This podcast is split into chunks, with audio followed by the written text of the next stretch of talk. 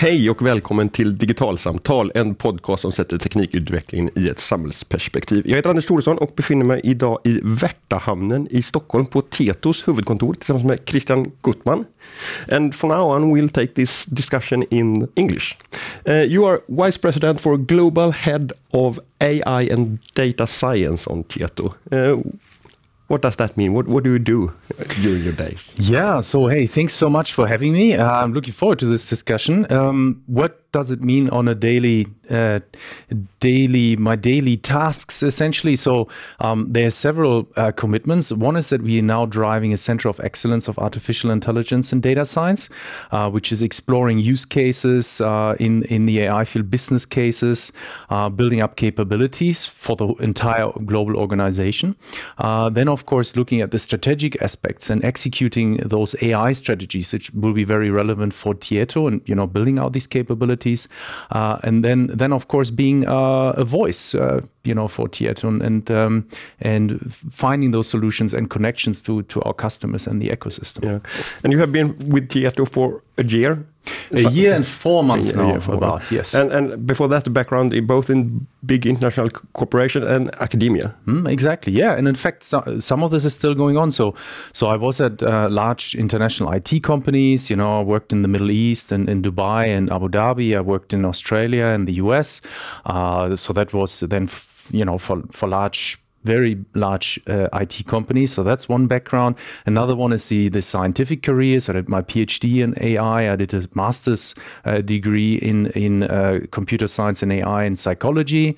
Uh, and then I became a adjunct professor at the Uni uh, University of New South Wales.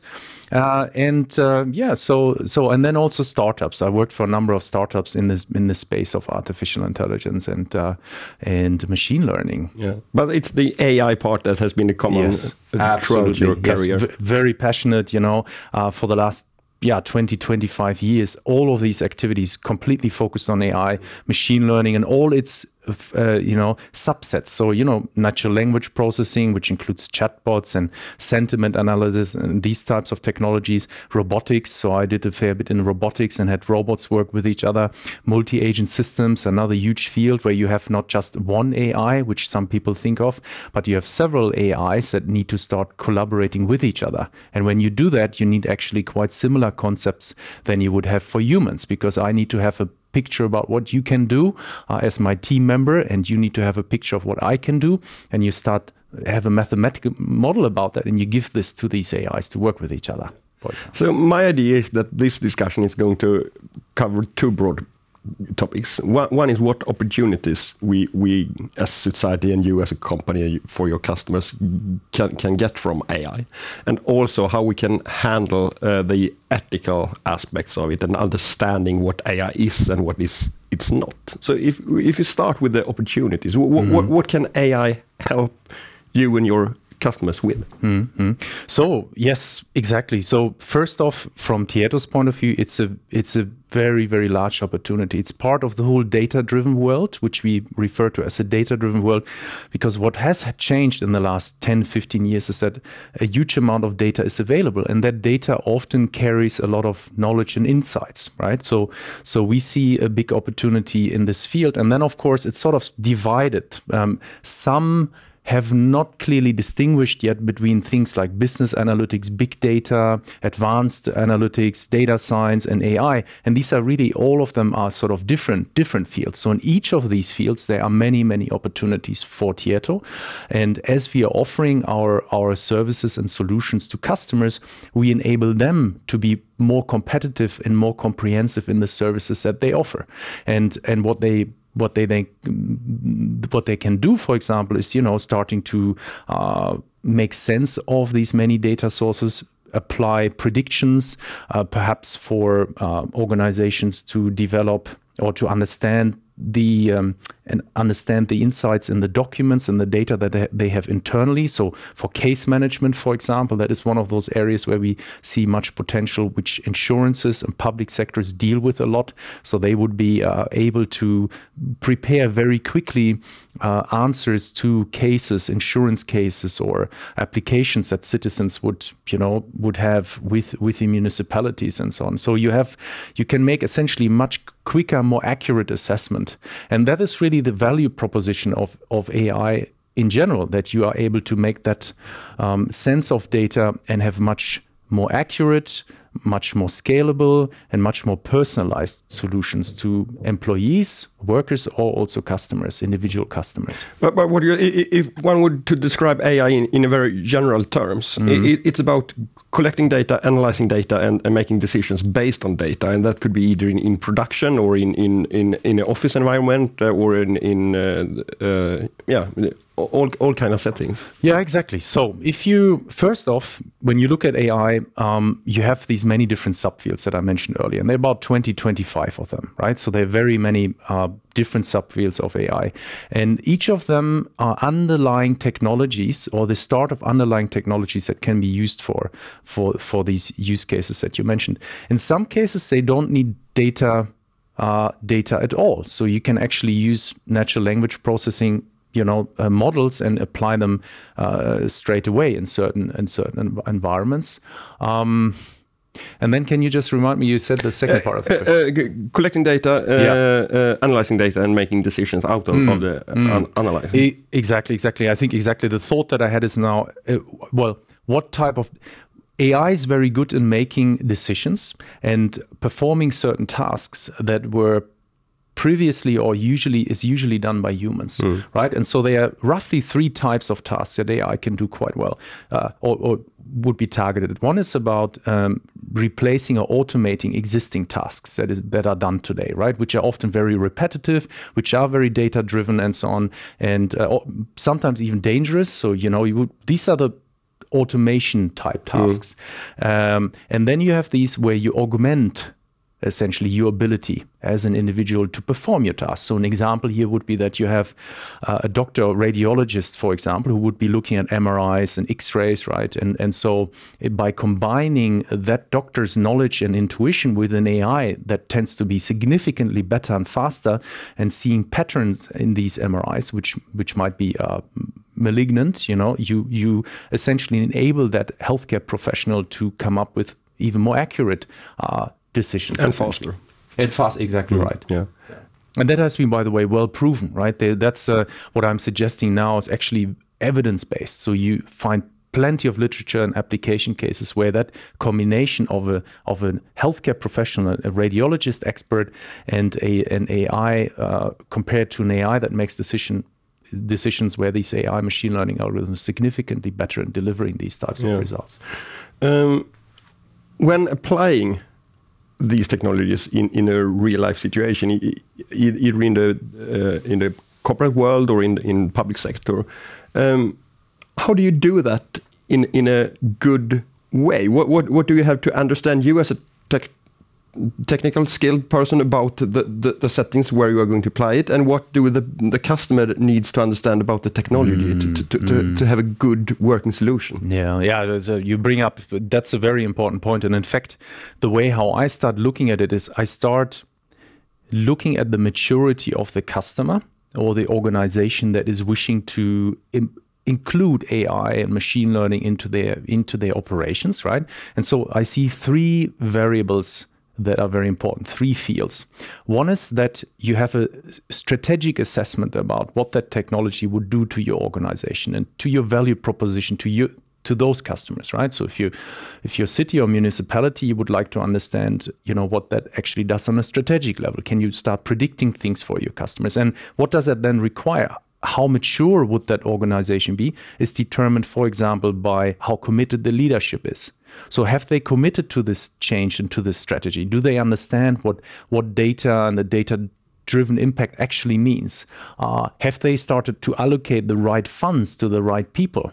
You know in the organization? Do they know where that is happening? Do they have the right capabilities built up and so on? And then also of course the management with the investors and the board right? Because ai is not like software where you would be um, having a 100% solution. You will always have a risk of the ai doing something. Uh, you know, which you would have not predicted because AI is acting much more like a human in that sense. So that's one layer, the strategic layer. The second layer is business, right? So when you look at um, how business processes or workflows are currently happening in your organization. So case management, I mentioned it earlier. If some citizen applies or a customer uh, has an insurance claim, there are certain processes that take take place. And so when you start applying AI and you use that, for example, for chatbot technology, right? You have a client that will start saying, well, I have an insurance claim.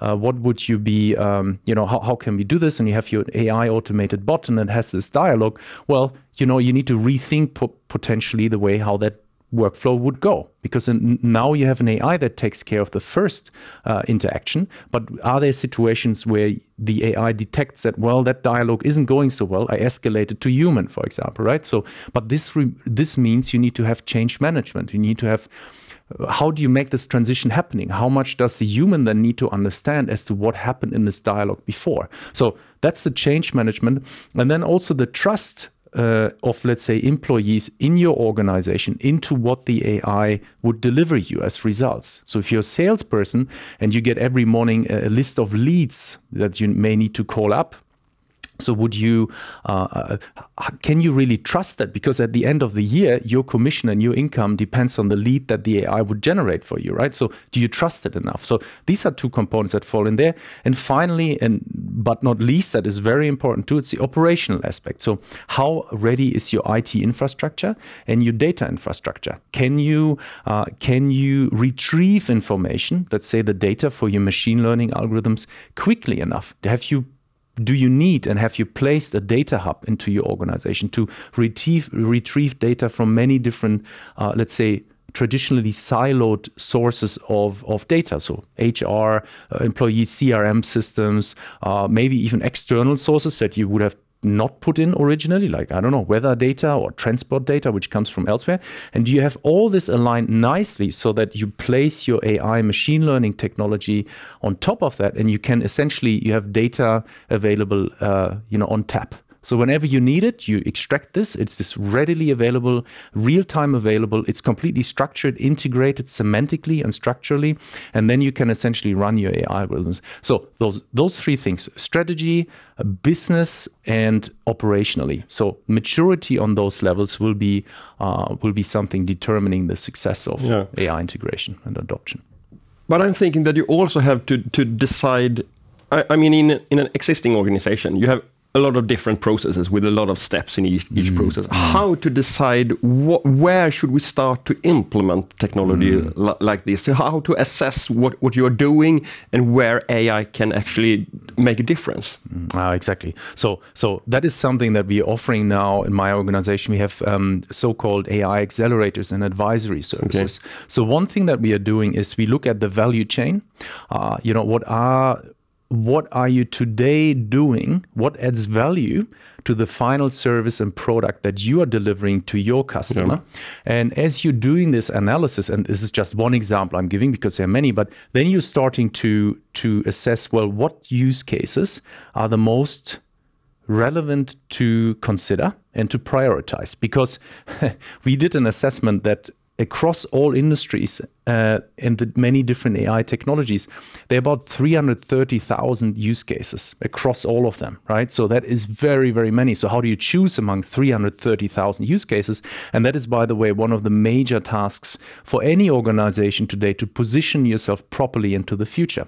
But but that is one practical suggestion that or one practical thing that we are doing with customers, we essentially um, do this value chain analysis, do use case identification, assess how feasible it is to implement it because there's also it's not just a question of technological implementation obviously but it's also other things that i mentioned before like the business implementation yeah. is every everyone buying into this you know are all the stakeholders aligned do they understand that this this will work for you so kind of first finding the bottlenecks in, in, mm-hmm. in, the, mm-hmm. in the organization and, and and then thinking about is really ai the, the, the solution to this bottleneck mm-hmm. or, or, or, mm-hmm. should we do something else mm-hmm. exactly and and I, I actually say very often look, if you can find a great solution without AI, machine learning, or complex answer, do it. Absolutely, I, I encourage that strongly uh, uh, because it is a it's quite a complex. Uh, it's a it's still a quite a complex technology, and you need you need experts to understand that properly. So if you can solve this, don't overdo it, right? So so uh, but with that said, it's very clear that most of these, um, you know, these tasks that I mentioned earlier, they do benefit very much from these AI solutions. So you don't have, you don't quite have a choice to Yeah. not do it with AI. But if you can, you know, apply Occam's razor, go with the simplest uh, solution forward, right? Y- You, you said that software is not AI. AI Mm-hmm. is not software. Wh- What, what do you mean with that? Yeah. So what you usually do when you have software, right? You take your iPhone, you send an email. Let's say you send an email and you you have an attachment, right? When you send it off, you expecting that email to arrive at the other end with the with the attachment, right? Or when you press a button on your iPhone or you unlock it, you expect it 100% of the time to open up with your right pin number right uh, so that is that is a typical software solution right? You expect it to be deterministically 100% correct. Now when you start applying ai since i mentioned earlier it's essentially starting to augment or replace or contribute to human-like tasks. You have to also accept that there will be uh, they will be having a percentage of failure and errors in the way they make their assessments. Okay. so, so as I mentioned earlier, in the MRIs uh, that doctors assess and the X-rays, um, doctors have roughly a I think it's now a particular cancer that is detected in mammography. I have to look up the exact reference, but it's essentially MRIs. And so doctors have about a success rate of identifying correctly malign tumors, uh, malignant tumors at about 85% accuracy. And so AI and machine learning with the same set of data, with the same set of MRIs, have, have a 92% accuracy in detecting this. But in both cases, um, there is an error rate, right? And so, so when you're applying AI, it doesn't mean that it will be 100% accurately detecting what will be in these uh, in these MRIs, for example. And very similarly, also with self-driving cars or chatbots, right? So if you have a chatbot, for example, and you were to measure whether or not a customer's request has been always and 100% um, has been 100% addressed accurately with highest levels of customer experience, well, then that is unlikely to happen today, even though you might use the state of the art natural language processing uh, tools and, and, and chatbots, because it may uh, it may still misunderstand how you're behaving and the sentiments that you're expressing and the and the intentions that you have when you chat with someone. So yeah. Is, is that a consequence that AI is learning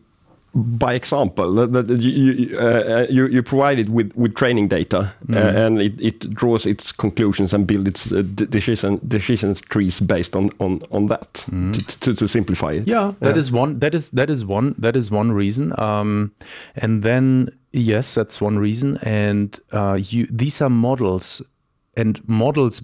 So mathematical models, by and large, computational models, and they they they represent or try to understand the world as good as they can. It's an approximation, right?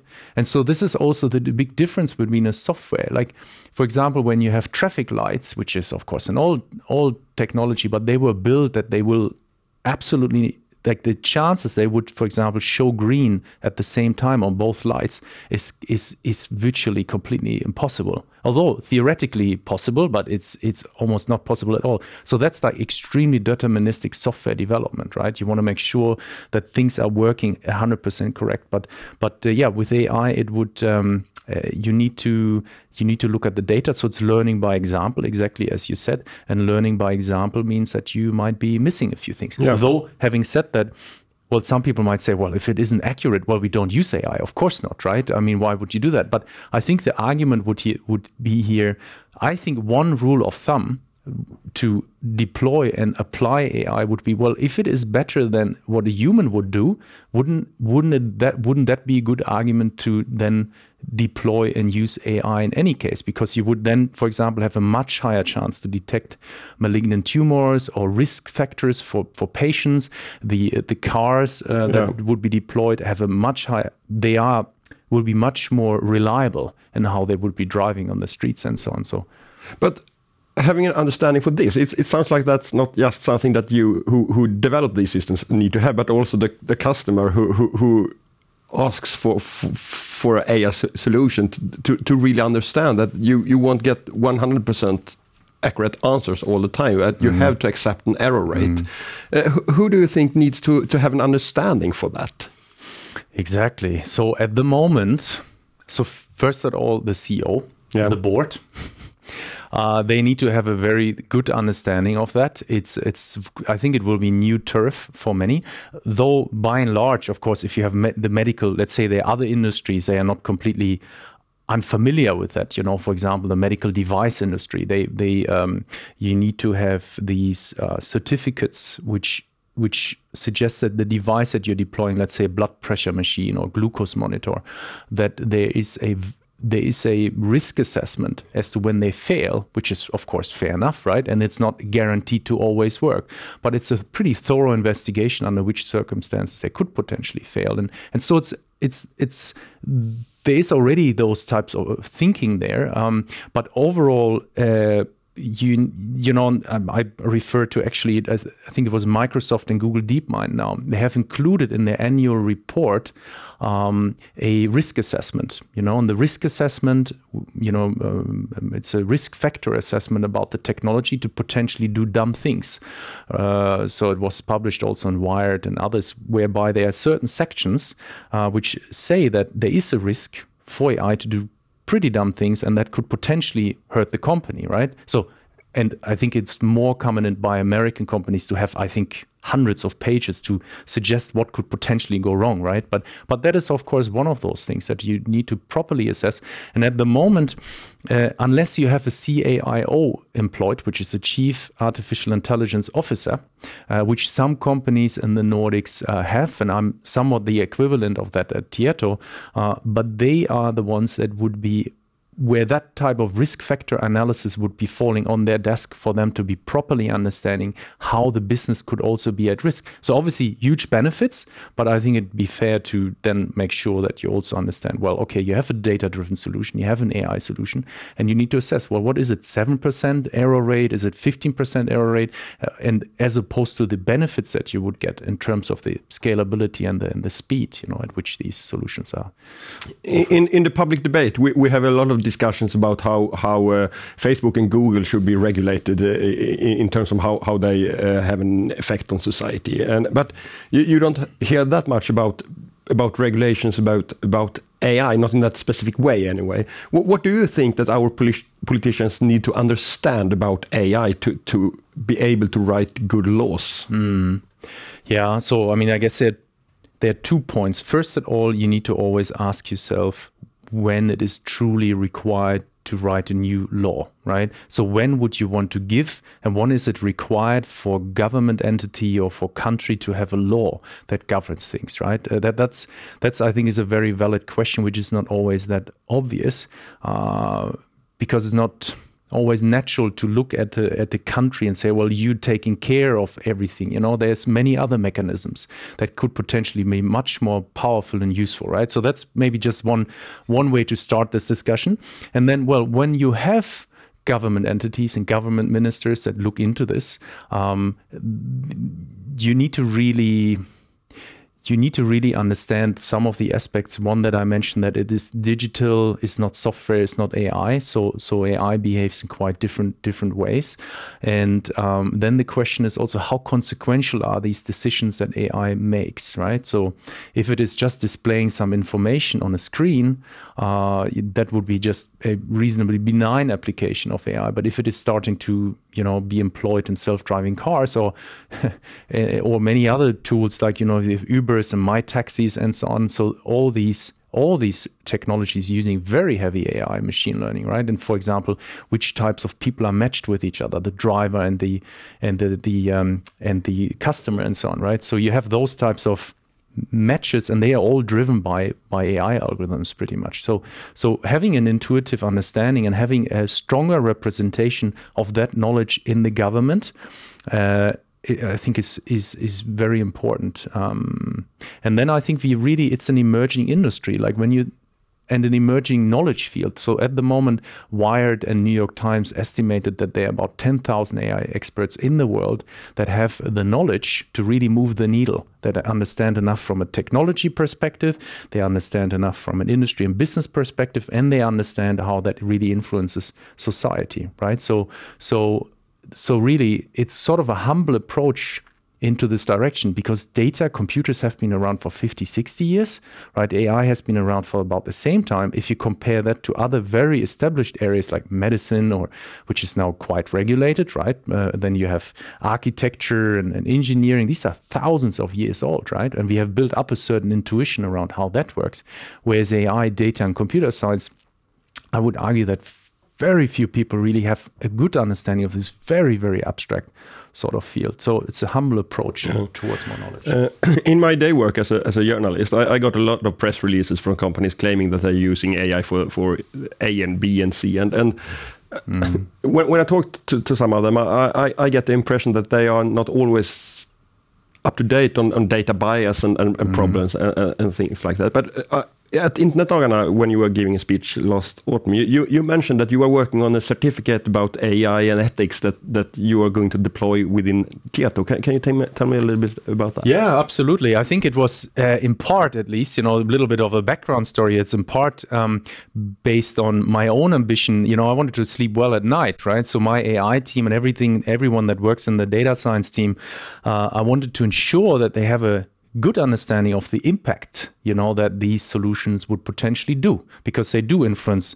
uh, potentially human life uh, finances at a big level because you have all these you know financial agent advisories that do transactions and you use AI algorithms for that.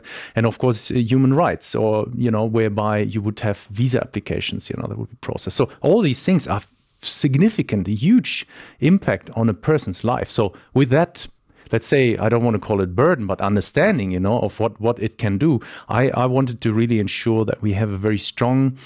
Uh, strong understanding of that, and that the core team developing this, you know, uh, really has an understanding. And so, what we then did uh, is we developed, and we are doing this in phases, right? So, I'm not suggesting that hey, we cracked it all, and we or we should even be responsible for that, right? But we have a first phase where we have an awareness, and we have one thing that we did is we looked across uh, the world. We looked at what we do at Tieto and across the world, like at the IEEE, the International Standards Organization, uh, the uh, Human Commission, uh, the European Commission uh, that has uh, put together a document, and we extracted key material from all of those uh, sources and provided them in our education material, if you like, which are part of the um, AI certificate. And so people went through this certificate, and um, and and so that is something that essentially raises the awareness.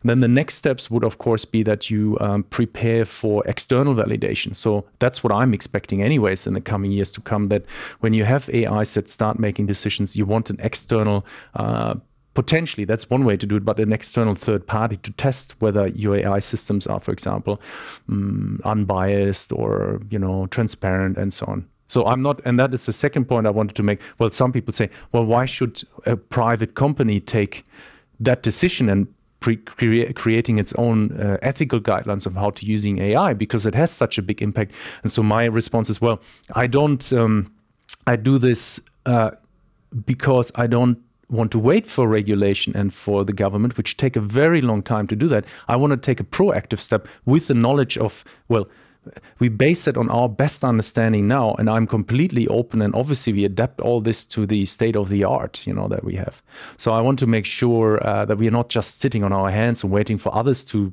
to say things, but I want to make already sure now, as much as possible, that what we are developing and offering to the ecosystem and to our customers is, is at the state of the art when it comes to unbiased data, transparency, explainability, uh, all these types of topics that are relevant to AI ethics.